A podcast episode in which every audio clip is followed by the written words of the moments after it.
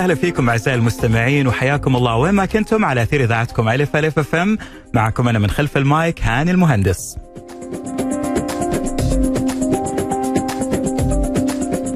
وطبعا أحلى تحية لمخرجنا جابر لهذه الفترة حياك الله يا جابر في طاقم إذاعة ألف ألف أف أم. طبعا برنامج طبابة يعني بكل ما هو صحي كل ما هو حياة صحية أو نقول طريقة حياة صحية ممكن نتكلم عنها عشان تكون أنت بأفضل حال وبأفضل وضع في حياتك اليومية إن شاء الله. طبعا بنتكلم اليوم عن شغلة خاصة بالأمهات وطبعا سواء أمهات جدد في حكاية الأمومة أو غير جدد طبعا عندهم أولاد طبعا بعمر أو أطفال صغار رضع أو من فترة الولادة إلى الإرضاع. حنتكلم عن موضوع جميل وطبعا هذا الموضوع كان شاغل أقدر أقول ال ال ال الساحة كلها تقريبا الأسبوع الماضي فيما يخص الرضاعة الطبيعية والتشجيع عليها. طيب إحنا عنوان حلقتنا اليوم لننهض بالرضاعة الطبيعية وفي سبب. طبعا مع الأسبوع الماضي أقدر أقول إنه دشن التحالف العالمي لتفعيل الرضاعة الطبيعية الاحتفال بأسبوع الرضاعة الطبيعية لهذا العام تحت شعار اللي هو لننهض بالرضاعة الطبيعية. بنفس اسم عنواننا اليوم اللي هو النهوض بالرضاعة الطبيعية نثقف وندعم. ويهدف شعار هذه السنة إلى تقوية الجهات الفاعلة اللي يتعين عليها حماية الرضاعة الطبيعية وتعزيزها وتوفير الدعم الكافي لها طبعا على مختلف المستويات في جميع المراحل ابتداء من فترة الحمل حتى مرحلة الولادة وما بعدها. وطبعا هذه الجهات الفاعلة هي الأساس لما يعرف باسم السلسلة الدافئة لدعم الرضاعة الطبيعية طبعا غير كده الرضاعة الطبيعية معروف إنه هي الطريقة المثلى لتغذية الطفل خاصة خلال الستة شهور الأولى من عمره. حليب الأم هو الطعام المثالي للرضيع فله خصائصه اللي تميزه بحسب احتياجاته اللي يتطلبها نموه طبعا أثبتت الأبحاث سواء قديم أو جديد إنه اللبن أو نقدر نقول لبن الثدي مليء بالفيتامينات بالمواد الغذائية البروتينات المعادن اللي بتساعد الطفل على اكتمال نموه وبناء أجزاء جسمه بالشكل الصحيح. والرضاعه الطبيعيه يعني أهميتها مو بس على الطفل حتى على الأم من الناحية النفسية والجسدية وأيضا الصحية.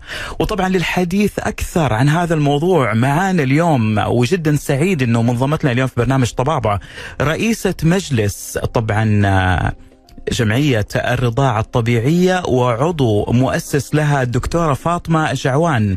دكتورة فاطمة يا هلا وسهلا فيكي ألو دكتور فاطمة معانا؟ ألو؟ طيب إحنا بنعيد التواصل مع دكتورة فاطمة يمكن في مشكلة بس في التواصل. بس زي ما قلت لكم إنه طبعا حلقتنا اليوم عن الرضاعة الطبيعية وطبعا حيكون عندنا في أي لحظة من اللحظات الدكتورة طبعا فاطمة الجعوان. ودكتورة فاطمة الجعوان زي ما قلت لكم طبعا هي مهتمة جدا للحديث عن الرضاعة الطبيعية وخاصة خلال أسبوع الرضاعة. طبعا هي رئيسة مجلس إدارة جمعية الرضاعة الطبيعية وعضو مؤسس لها. زي ما قلت لكم رئيس مجلس إدارة جمعية الرضاعة الطبيعية. وعضو مؤسس لها وغير كده يتحقق هذا الهدف الخاص طبعا من خلال موضوعنا اليوم اللي هو الرضاعة الطبيعية بعدة أهداف. ولكن أتوقع معانا الآن الدكتورة فاطمة الجعوان على الخط. دكتورة فاطمة معنا؟ أي نعم معكم حياك الله أستاذ هاني واهلا بك وبالمستمعين الكرام وشكرا للمقدمة اللي تدل على اهتمام ووعي بدوركم كإعلاميين في توعية الناس بأهمية الرضاعة الطبيعية ودورها في الحفاظ على صحة المجتمع بجميع شرائحه. الله يعطيك العافية دكتوره وسعيدين مرة إنه بالرغم من وقتك واختلاف التوقيت بيني وبينك في السعودية وبرا السعودية ولكن كنت جدا كريمة إنك تكوني معنا في حلقة اليوم للحديث أكثر بما أنك رئيسة مجلس إدارة جمعية الرضاعة الطبيعية وعضو مؤسس لها أيضا. نبغى نتكلم في البداية دكتورة فاطمة، ليش أسبوع الرضاعة بالتحديد هذا اللي فات؟ لو تكلمينا عنه أكثر. نعم. آه يعني اولا عشان نقول ليش من منطق التحالف الدولي وليش من منطق السعودية. إحنا نعم. لو نبدأ ببلدنا أول آه في عام 1437 آه صدر آه قرار مجلس الوزراء الكريم بإنشاء جهة مجتمعية جمعية تعنى بالرضاعة الطبيعية وتقوم بدور داعم للدور الجهات الحكومية والمستشفيات في التوعية بالرضاعة الطبيعية. ممتاز. وكان هذا القرار صراحة له دور كبير في آه، النهوض بإذن الله بالرضاعة الطبيعية في بلدنا الكريم طبعا بلدنا مثل أي بلد في العالم يرى ما تأثر به الرضاعة الطبيعية على صحة الأم وصحة المجتمع فمثلا في أحد الدراسات في آه، آه، بريطانيا مثلا نعم. وجدوا أن منع أن الرضاعة الطبيعية لو زادت مدتها من أربع أسابيع إلى ست أسابيع فقط أسبوعين فرق فإنها بتوفر تقريبا 11 مليون جنيه استرليني بحماية الأطفال من الأمراض المعدية لأنه بتزيد المناعة طبعا أكيد بحكم نعم. المواد الغذائية اللي يحتاجها الطفل بالكامل وهي الطعام أقدر أقول هو الأساسي لنمو الطفل نعم صحيح سبحان الله اللبى اللي ياخذه الطفل أول ما يولد من أمه للساعة الذهبية اللي هي احتضان الطفل ورضاعته في الساعة الأولى من الولادة أقوى من أي تحصين أو تطعيم يعطى للطفل. فعلا.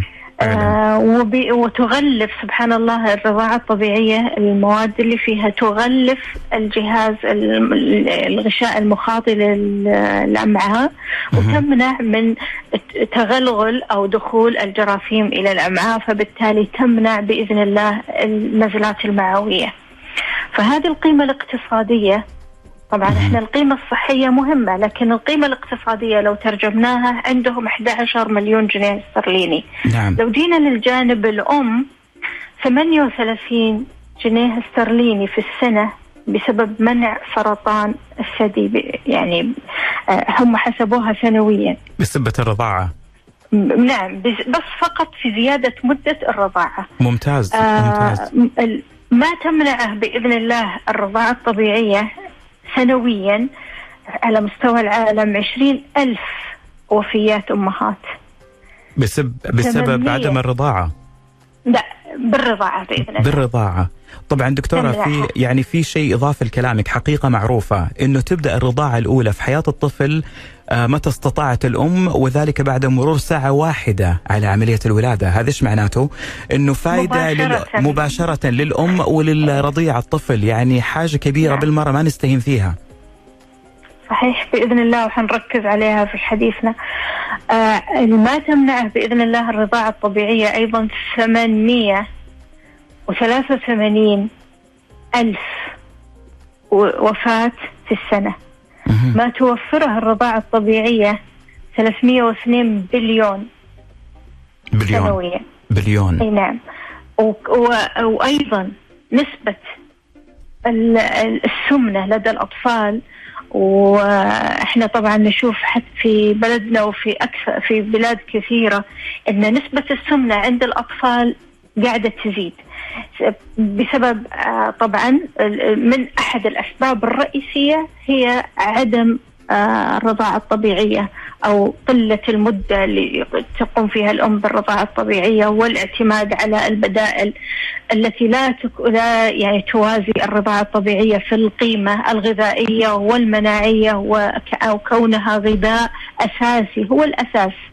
آه إحنا كبشر أساسنا نرضع من آه الأم آه وتبديله ببدائل غير آه هي ليست هي الأساس وليست هي الأصل أدى إلى مشاكل صحية كثيرة. سبحان الله لأنه حاجة خارجه عن الطبيعة، كل شيء ما كان طبيعي كل ما كان ماشي صح. الفورمولاز والأشياء اللي من برا هذه وحر الأم بتحرم نفسها وتحرم طفلها من هذه الفائده مع الأسف. نعم صحيح. وإحنا الحمد لله بلدنا من البلاد التي وقعت على مدونة نظام يعني تداول بدائل حليب الأم.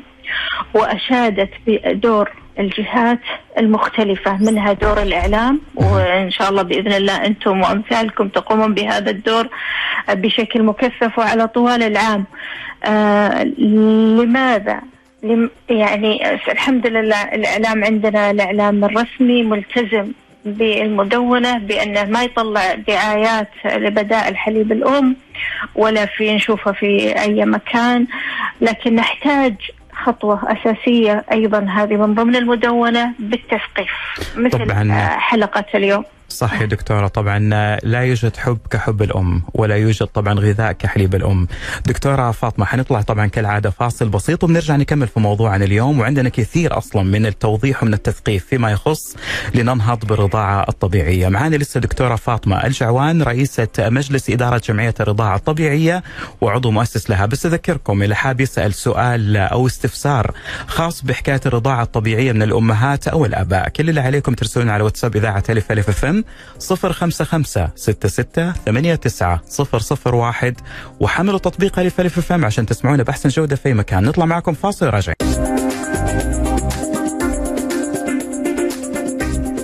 ومكملين معكم أعزائي المستمعين بموضوعنا اليوم الخاص بأسبوع الرضاعة الطبيعية اللي كان بمسمى أو الاسم اللي مخت... طبعا آه، تم اختيار آه، لهذا الاسم لهذه السنة لننهض بالرضاعة الطبيعية.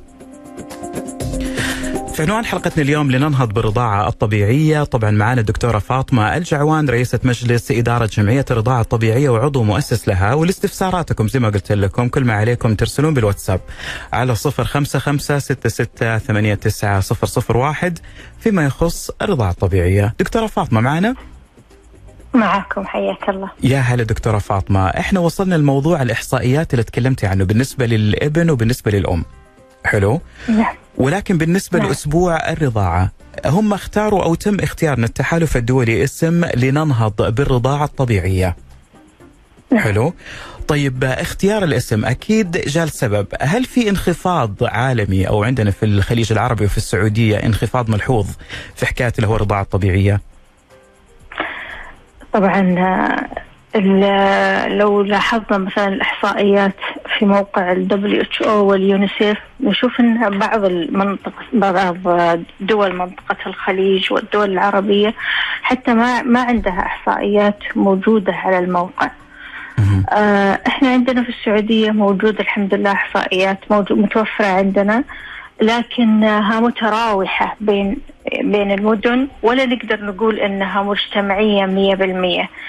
آه تقريبية على در... أي نعم نعم نقول تقريبية. وفي مناطق ما شاء الله أعلى من مناطق. هدفنا بإذن الله وهدف الرؤية إن 2025 نكون وصلنا إلى 50% ممتاز. آه، من الأمهات ان هم يرضعون بإذن الله رضاعة حصرية. طيب لمدة ستة أشهر. لمدة ستة أشهر هذه مينيموم على الأقل. هو طبعا سؤالي هي نعم هي هو في الرضاعة الطبيعية الطفل أو الرضيع لا يحتاج إلى أي غذاء عدا حليب أمه من يوم الولادة حتى إتمام ستة أشهر. حتى نقطة الموية ما يحتاجها. في الجو الشديد الحرارة ما يحتاج شيء أبدا. ما عدا حليب الأم. اكتفاء بالكامل. فهذه نسمي نعم هذه نسميها الرضاعة الحصرية. هذه اللي توصي بها جميع المنظمات هذه تقول أقل شيء عشان نحمي الطفل ويكون بصحة جيدة نرضع رضاعة حصرية لمدة ستة أشهر. بعد الستة أشهر نبدأ ندخل التغذية التكميلية. إلى سنة كاملة آه يوصى بالرضاعة من جميع المنظمات. طبعا اليونيسيف وال WHO توصي بسنتين. جمعية طب الأطفال كانت توصي بسنة والآن هذه السنة غي يعني غيروا وصاروا سنتين مثل بقية المنظمات. طبعا في السنة الأخيرة تكون داعم وليست مثل الاعتماد الرئيسي مثل السنة الأولى. طبعا الأهم إحنا قلنا كل الفترة مهمة حولين كاملين كما ذكر في القرآن الكريم. آه سبحان الله. آه يعني كل ما يعني يدلنا به الله سبحانه وتعالى ويرشدنا إليه والوالدات يرضعن أولادهن حولين كاملين الآن الطب أثبت أن هذا الحولين الكاملين مهمة جدا لصحة الطفل ولصحة الأم ممتاز. مثلا لو تكلمنا عن صحة الأم كلمة الحولين الكاملين نعم. كلما أرضعت الأم عدد أكبر من الأطفال حولين كاملين أطفالها تزيد وقايتها وحمايتها من سرطان الثدي بإذن الله وسرطان المبيض ممتاز فهي علاقة طردية نعم. نعم. يعني علاقة طردية سواء للأم أو للطفل طبعا اللي فهمته من كلامك نعم. دكتورة فاطمة إنه ستة أشهر يكون الطفل أو الرضيع معتمد بالكامل على حليب الأم لا أكل ولا موية ولا شيء ويكفي بس طبعا لو حليب الأم المفترض بعد ستة نعم. أشهر يبدأ الداعم أو الأغذية الداعمة مع حليب الأم نعم. بعدها لما يوصل نعم. سنة يكون نفس الإرضاع الخاص بحليب الأم يكون يعني هو الداعم يعني مو أساس نعم. صح ولا لا؟ أيوه يبدا يبدأ يقل كغذاء كغذاء ما يكون هو الغذاء الرئيسي إلى أن يكون مرحلة الفطام على السنتين. دكتورة. جاكي سؤال من أحد المستمعات بتقول لك دكتورة دكتورة فاطمة أنا لدي طفلتين من ولادتهم ولكن ما أرضعتهم ابدا. والسبب خوفي من اخذي لعلاجات معينة كانت تؤثر أو يمكن كانت تؤثر على الرضيع. فإيش رأيك في كلامها؟ طبعا الآن يعني قبل ما نوصي أي أم إنها ما ترضع أو ترضع بسبب الأدوية نكون عارفين إن أغلب الأدوية آمنة على الرضيع. يعني ما تأثر إنها ما تجي على حليب أغلب الأم. الأدوية أغلب الأدوية آمنة. آه مثلا الأدوية الكيميائية الأدوية اللي هي حقت الكيماوي اللي يعطى لمرضى السرطان طبعا غير آمنة. آه بعض الأدوية المشعة غير آمنة. بعض الأدوية القوي يعني معروفة أنها والأطباء يعرفون وفيه مواقع مختصة بأمان الأدوية آه، حتى الناس العامة تقدر يعني تدخل عليه وتشوف الموقع هذا وتعرف هل هذا العلاج آمن أم لا ودرجة الأمان بس هو باللغة الإنجليزية.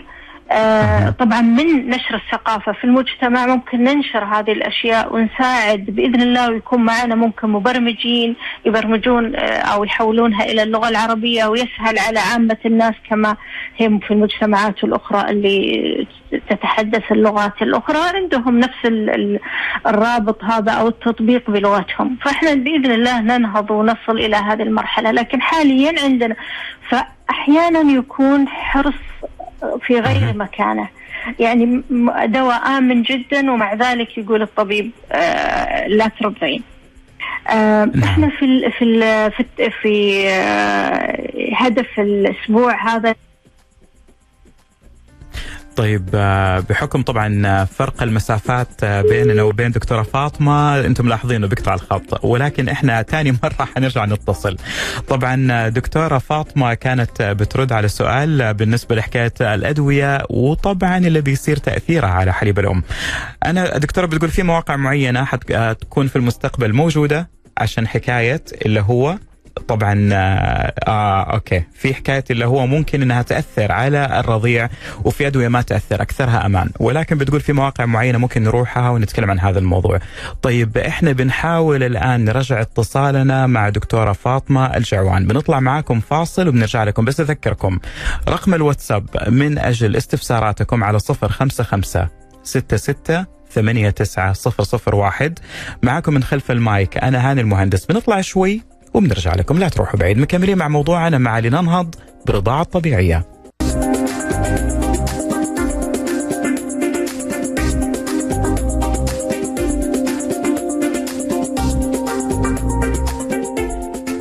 ومكملين معكم أعزائي المستمعين ومع عنوان حلقتنا لليوم لننهض برضاعة طبيعية مع دكتورة فاطمة الجعوان رئيسة مجلس إدارة جمعية الرضاعة الطبيعية وعضو مؤسس ليها.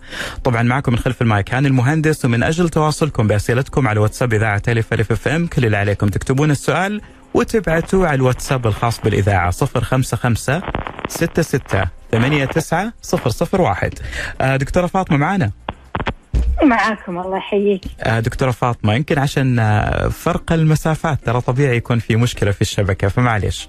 آه كويس ان إحنا تواصلنا معك على طول. آه دكتورة فاطمة كنا بنتكلم عن موضوع الأدوية وتأثيرها على حليب الأم وحضرتك قلتي في مواقع معينة تكون مسؤولة عن هذا الموضوع على أساس إنه كيفية أمان الدواء. ولكن في شغلة ثانية بسيطة اللي هو البريسكريبشن اللي هو طبعا اللي يجي مع الدواء. اللي مكتوب فيه التحذير الموانع. آه، دائما يكتبوا الحامل والمرضع. في آه، يعني تحسي سكشن أو مكان معين كامل بالحامل نعم. والمرضع. فكل الأدوية ما قصرت من هذه الناحية في وجهة نظري. آه نعم. تكتب في الوصفة مثلا مكتوب أن الحامل والمرضع مثلا إذا كان آمن يكتبون درجة الأمان وأحيانا يقولون تراجع الطبيب. من الأهداف حقت الأسبوع هي تعريف وترسيخ يعني لما تكون موجهة الآن مثلا لأطباء الأطفال أطباء النساء والولادة خصوصا أطباء الأطفال هم اللي يقولون يعني الأم تلجأ لهم لما تكون مرضع نعم. وتسأل عن آه، آه، الحليب هل هو آمن هل هالدواء آمن مع حليبها هل تقدر ترضع وهي تعطيه فإذا هنا إحنا نقول للأطباء ونساهم معاهم في أن ننشر الوعي بأن غالبية الأدوية آمنة مع الرضاعة. ارجعوا للمراجع الطبية الموجودة المتاحة اللي تبين لنا أمن الدواء هل هو آمن أو لا ودرجة أمانة. عشان نعرف آه، نوصف الدواء بشكل آمن. يعني آه، ممكن أم تحرم مثلا من دواء معين مسكن للألم دواء كحة دواء معدة آه، للغثيان أو مثلا للحرقان أدوية وبسبب أنها ترضع وهي تستطيع أنها تكمل الرضاعة. هذا ممكن يؤثر على الرضاعة الطبيعية. ممكن ناهيك عن إيه؟ أن تتذكر الأقوال القديمة وش تقول؟ الأقوال القديمة تقول إيش ما تأكل الأم يروح على حليبها. صحيح هو كفوائد نعم حتى لكن ك... سبحان الله نعم. آه الأدوية بعضها يكون لها آه ما تستطيع أنها تعبر للحليب بسهولة مه. حسب وزنها حسب المحتوى اللي تحتويه وبعضها إذا عبرت الحليب ودخلت في معدة الطفل لا يعني سبحان الله الكمية الضئيلة جدا اللي يمتصها الطفل ما تروح حتى لدمه فالنسبة قليلة جدا وضئيلة حتى في بعض الأدوية اللي يعني عليها التحذيرات نسبة قليلة جدا وممكن توجه الأم بأنها مثلا تاخذ ترضع الطفل أولا ثم تاخذ الدواء وتنتظر وقت معين حتى يكون دواء الحليب آمن. ممتاز فباذن الله من من يعني من الأدوار المهمة جدا حتى يستمر. طبعا آه، في أسبوع الرضاعه زي ما تفضلت وقلت في المقدمة إن الحلقة الدافئة وأهمية الحلقة الدافئة هي الحلقة الدافئة اللي نبغى نثقفهم ونبغى يكون عندهم وعي تام بالرضاعة الطبيعية حتى تستمر حولين كاملين. نبدأ بالأطباء في النساء والولادة في غرف الولادة في مر... اللي يقابلون الأمهات أثناء فترة الحمل آه ويركزون على تحفيزها وتوعيتها بأهمية الرضاعة. يعني هذه نسميها الجهات الفاعلة؟ نعم هذه الجهات الفاعلة وكيف إحنا كمجتمع ندعم هذه الجهات الفاعلة؟ طبعا الجهات الفاعلة يمكن أنت اطلعت عليها من خلال آه، ما يعني من خلال إلقائك ما شاء الله العاملين في مجال صحة المجتمع. اللي هم مثلا مراكز الرعاية الصحية الأولية القابلات واللي موجودين. إحنا طبعا في مجتمعنا ما في قابلات مستقلات هم يتبعون للمستشفيات. صحيح. أطباء الأسرة والممارسون العاملون يعني الطبيب الأسرة اللي موجود في المركز الصحي واللي موجود في المستشفيات. نعم. أطباء الأطفال. أيضا آه، مهمين جدا جدا يعني أطباء الأطفال من الجهات اللي تستهدفهم الشركات أو التسويق الجائر لبدائل حليب الأم. آه طبعا الشركات هذه آه، تسعى إلى مصلحتها المادية. أكيد طبيعي آه نعم, نعم. وبلد مثل بلدنا ما في إعلانات في التلفزيون ما في إعلانات في الإذاعة ما في إعلانات ولكن في, في تسويق بطرق أخرى. نعم في تسويق بطرق أخرى في هدايا للأطباء تسهيلات لهم آه عدد الوصفات اللي توصف لهذه شو اسمه الوصفات الحليب أو توصي الأم. كل ما قدرت تقنع الأم بأنها تغير خليها عندك وارتاحي اليوم وحطي له من هذا الحليب الفورمولا شوفي كيف حيكون في تأثير حلو. التسويق أيوة. الناعم هذا اللي يعملوه أيوة. بعض الناس. معروف. ولما يجي ال baby بإسهال أو نزلة معوية أو طفح جلدي يا دكتورة الطفح والتحسس آه. كمان. وقفي وقفي الرضاعة. مع أن الرضاعة الطبيعية أحسن للطفل أثناء هذه النزلات المعوية. مع زي ما تفضلت الطفح الجلدي والحساسية الرضاعة الطبيعية تدعم المناعة وبالتالي يقل أمراض الحساسية. الربو الحساسية الجلدية الأكزيما بجميع أنواعها الأمراض المستقبلية كلها بإذن الله يتخفف منها أو تقلل من حدوثها الرضاعة الطبيعية. فتوعية الأطباء بدورهم الرئيسي والحمد لله القوانين عندنا داعمة ونسمع كثير أن الأطباء الفلانيين أوقفوا وجاهم أو تنبيه أو بسبب أنهم اخترقوا القانون. القانون موجود على آه، موقع نعم. هيئة الخبراء موجود على موقع وزارة الصحة آه، ويستطيع جميع الأطباء الاطلاع عليه. يعني ما في أحد يقدر يقول أنا والله ما أعرف أنه ممنوع. لا ممنوع. وفي عليه عقاب. وبالتالي إحنا نعرف أن الشركات تدفع ملايين من أجل أنها تسوق لمنتجهم. نعم لمنتجاتهم. إحنا أيضا يجب أن نكون نتكاتف ونساهم في التوعية الصحيحة.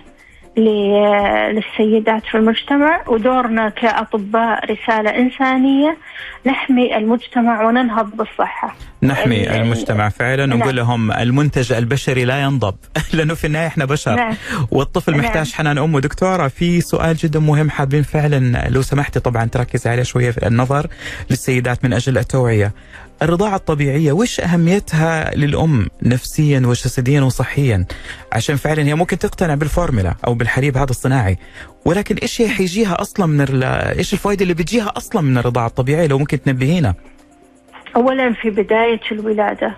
الأم لما ترضع طفلها يطلع منها هرمون اسمه هرمون الأكسيتوسن هرمون الأكسيتوسن هذا بيساعد على انقباض الرحم بكفاءة أكثر. هو ينتج طبيعي حتى لو ما رضعت موجود لكن يكون بقوة أكثر وبالتالي يقلل من النزف اللي بعد الولادة. نعم ممتاز. آه والعلاقة زي ما تفضلت العلاقة القوية بين الأم والارتباط بينها وبين طفلها اللي ترضع رضاعة طبيعية.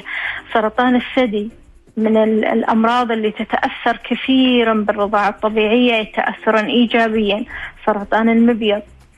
كمان. أيضا آه الوزن. وزن الأم. الأم المرضع تخسر يوميا 500 سعرة حرارية. شكرا انك أنت قلتي هذه المعلومة لأنه الامهات عندهم تفكير مختلف. يفكر رضاعة حتخرب جسمها. مو إنها تحسن جسمها. طيب بالنسبة له أحيانا بعض الخرافات الموجودة اللي تقول أن الثدي ممكن يترهل إي نعم. في دراسة. في المجتمع الأسترالي آه، قارنت بين الأمهات المرضعات والأمهات الغير مرضعات وجدوا إن الأم المرضع الترهل عندها أقل صح لماذا؟ لأنها وهي ترضع الوضعية حقتها في الرضاعة وضعية صحيحة تساعد على بناء العضلات والجسم بشكل أفضل والاحتفاظ يعني بالشكل حق نعم. نفس الثدي إنها بتحتفظ فيه إثناء نعم. الرضاعة فعلا نعم لأن النزول لما كانت حامل هو الثدي يكبر ويتمدد مع الحمل سبحان الله آه، آه، يعني استعدادا للرضاعة. فإذا رضعت الأم يكون النزول من الحجم الكبير إلى الحجم الطبيعي اللي بدون حمل يكون تدريجي على مدى السنتين.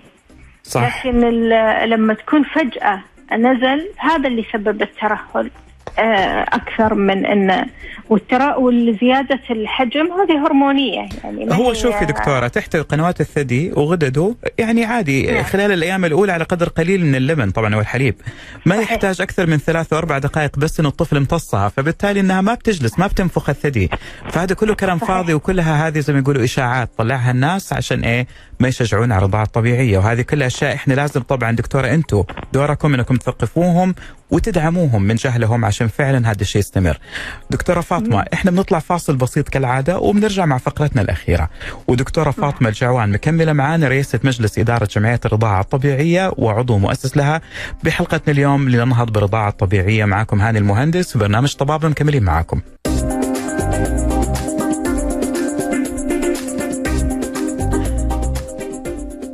وأعزائي المستمعين وصلنا معكم الآن للفقرة الأخيرة ببرنامج طبابة برنامجكم الطبي الأول على أثير إذاعتكم ألف ألف أف أم. عنوان حلقتنا اليوم لننهض برضاعة طبيعية مع دكتورة فاطمة الجعوان رئيسة مجلس إدارة جمعية الرضاعة الطبيعية وعضو مؤسس ليها. ومعكم من خلف المايك هاني المهندس. دكتورة فاطمة. يا هلا والله. دكتورة فاطمة حابين نعرف الله يحييك يا رب. دكتورة فاطمة ودنا نعرف كيف الجمعية أو كيف فعلت جمعية الرضاعة أسبوع الرضاعة طبعا إحنا عارفين أن الأسبوع المنصرم طبعا الماضي وبالتحديد يوم نعم. الثلاثاء كان اللي هو نعم. أسبوع الرضاعة وهو بعنوان لننهض بالرضاعة الطبيعية كلمينا أكثر عن كيف فعلت الجمعية الخاصة بالرضاعة أسبوع الرضاعة وبالتحديد أنه أنت رئيس آه. المجلس يعني تكلمينا أحسن شخص تكلمنا عنها بإذن الله الجمعية قائمة بأعضاء كثر ما شاء الله واستشاريات مختصات في الرضاعة الطبيعية عندنا في السعودية ولله الحمد. الآن تجاوز العدد 100 استشارية رضاعة طبيعية استشاري دولي. وهذه يعني شهادة دولية في العالم كله. آه الحمد لله رب العالمين. الجمعية تقوم بعدة أدوار سواء في أسبوع الرضاعة وطوال العام. لكن في أنت سألتها عن أسبوع الرضاعة أسبوع الرضاعة شاركنا بمحاضرات يومية تفاعلية من اليوم الأول يوم الاثنين حتى آه، يوم الأحد. تمام. آه أسبوع كامل يوميا محاضرات تفاعلية عن بعد يسمعها جميع آه، مناطق المملكة يسمع حتى من أي بلد. في المستشفيات بأركان مختلف المستشفيات طبعا اللي تعاونت معنا لأن إحنا جهة آه يعني آه، مجتمعية. فمن يرغب التعاون معنا إحنا مفتوحين للجميع. ومن يرغب التعاون معنا نتعاون معه فالحمد لله في الإحساء في الرياض في جدة في الدمام آه، في الجوف في عدة مناطق في بعض المستشفيات تم إقامة آه، أسبوع الرضاعة. آه، طوال العام نقوم بتدريب العاملين سواء أطباء دايات قابلات ممرضات. الطباء بمختلف تخصصاتهم. في دورة ما تسمى مستشفيات صديقة الطفل. نعم. آه، دورة 20 ساعة يجب على الأطباء العاملين في مجال الأمومة ويعني المستشفيات اللي فيها آه، أو المراكز الصحية أن يكون عندهم هذه العشرين ساعة تجدد كل سنتين فالجمعية ولله الحمد تقوم بهذه الدورات عندنا دورات لتخريج سيدات من المجتمع لديهم القدرة على تقديم المشورة. ممتاز. وليس بالضرورة أن يكونوا من الطاقم الطبي. يعني مثل مهم قابلات ولكنهم قابلات لا. بالعزيمة والتحفيز للآخرين من السيدات. يعني هذول يأخذون دورة منهجها م... نعم منهج الدورة م... من ال WHO واليونيسيف. موجود في كل دول العالم. بعد التخرج من هذه الدورة تدرب نظريا وعمليا على كيف تقدم المشورة للأم. فاحنا ولله الحمد إلى الآن خرجنا فوق السبعين سيدة. ممتاز وإن شاء الله أكثر عقبال سبعين ألف يا رب. بإذن الله. إحنا هدفنا إن شاء الله نصل بنهاية 2023 إلى 1000 سيدة بإذن الله. إن شاء الله. بالعكس ممتاز. لأنه بينشرون بينشرون العلم بينشرون التحفيز بيساعدون نعم. السيدات الأخيرة. يعني زي الفاميليارز يصيروا زي اللي هو نعم. مرافقين للسيدات اللي هم ممكن ما يكون عندهم الفرصة إنهم يكونوا مع دكتور مستمرين في مواعيدهم. فهذول بيعطوهم نعم المشورة. بحاجه نعم إحنا بحاجة إلى مجموعات دعم. مجموعات دعم الرضاعة الطبيعية لابد أن يكون فيها أحد عنده الخبرة وعنده العلم الصحيح ويعرف متى يتوقف عن يعني يعرف حدوده. أنا والله لما تاخذ المرشدة المعلومات وتاخذها من مصدرها الصحيح وتاخذ صح. دورة تعرف أنه والله في هذه الحالة أحتاج أني أحولها على طبيبة أو استشارية رضاعة. ف... وتدعمها فيما تستطيع هي. ممتاز. بإذن الله عندنا دورات مستقبلية مكثفة لإعداد آه، للاستشاري الرضاعة لكن مستقبلا. طب دكتورة سؤال لو سمحتي. الآن طبعا السيدات بيسمعونا الآن بالراديو. فدكتورة فاطمة آه، كيف بإمكان السيدة أو تنضم لهذه الدورات عشان تكون الأعضاء الفاعلين في هذه الجمعية؟ أي والله شكرا على سؤالك. حساب الجمعية موجود على تويتر وعلى إنستغرام ونعلم فيه عن الدورات. عندنا دوره إن شاء الله في شهر سبتمبر شهر القادم. آه بإذن الله آه تكون يكون ينتشر أكثر. الآن كان التدريب في الدمام وفي الرياض وفي جدة. ممتاز. اخر الدورة الأخيرة. بإذن الله ننتشر في مناطق أخرى. طبعا إحنا من أهدافنا أيضا إن يعني نصل إلى وسائل الإعلام من أهدافنا إن إحنا نساعد الأمهات في الاستمرار في الرضاعة الطبيعية بعد عودتها للعمل بتهيئة غرف يعني بتشجيع آه، أصحاب العمل بتهيئة غرف للرضاعة الطبيعية في أماكن العمل. ممتاز وهذا يعتبر شيء آه، جدا دا يعني هذا بالعكس بيشجع الإرضاع الطبيعي عشان ما يكون في حاجة تمنعه أو أي عائق من العوائق.